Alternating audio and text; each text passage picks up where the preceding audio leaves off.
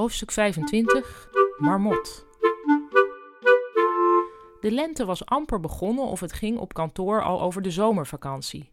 Kavia had er nog helemaal niet over nagedacht. Wat ga jij doen? vroeg ze aan Kim. We moeten naar Curaçao, naar Stanley's ouders, antwoordde ze. Nou, noem dat maar moeten, riep Ruud door de hele kantoortuin heen. Mevrouw moet naar Curaçao. Erg hoor, sommige mensen moeten naar de camping in Twello.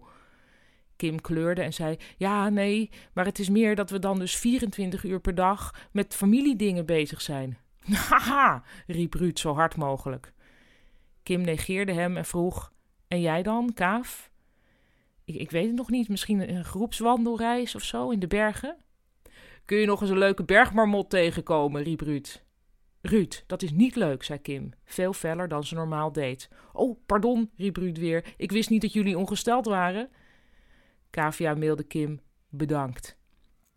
Ze kreeg meteen een antwoord: Ruud is een lul, maar daar is hij uiteindelijk zelf het slachtoffer van. Kim was op cursus geweest. Aan het eind van de dag sloot Kavia als laatste haar computer af toen Stella naar haar toe kwam. Aangezien jij geen kinderen hebt, wilde ik jou eigenlijk vragen om pas in september op vakantie te gaan. Oh, zei Kavia, maar. Tja, wat had ze eigenlijk te maren? Er werden bepaald geen grootse plannen in de war gestuurd.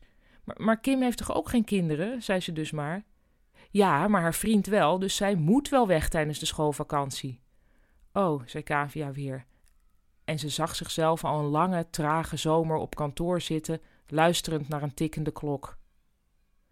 Stella pikte blijkbaar toch iets op van deze gedachte en zei opgeruimd: Ah joh, in september is het allemaal ook veel goedkoper. Zit je lekker helemaal alleen met een stel bejaarden in een all-inclusive in Turkije? Lekker toch?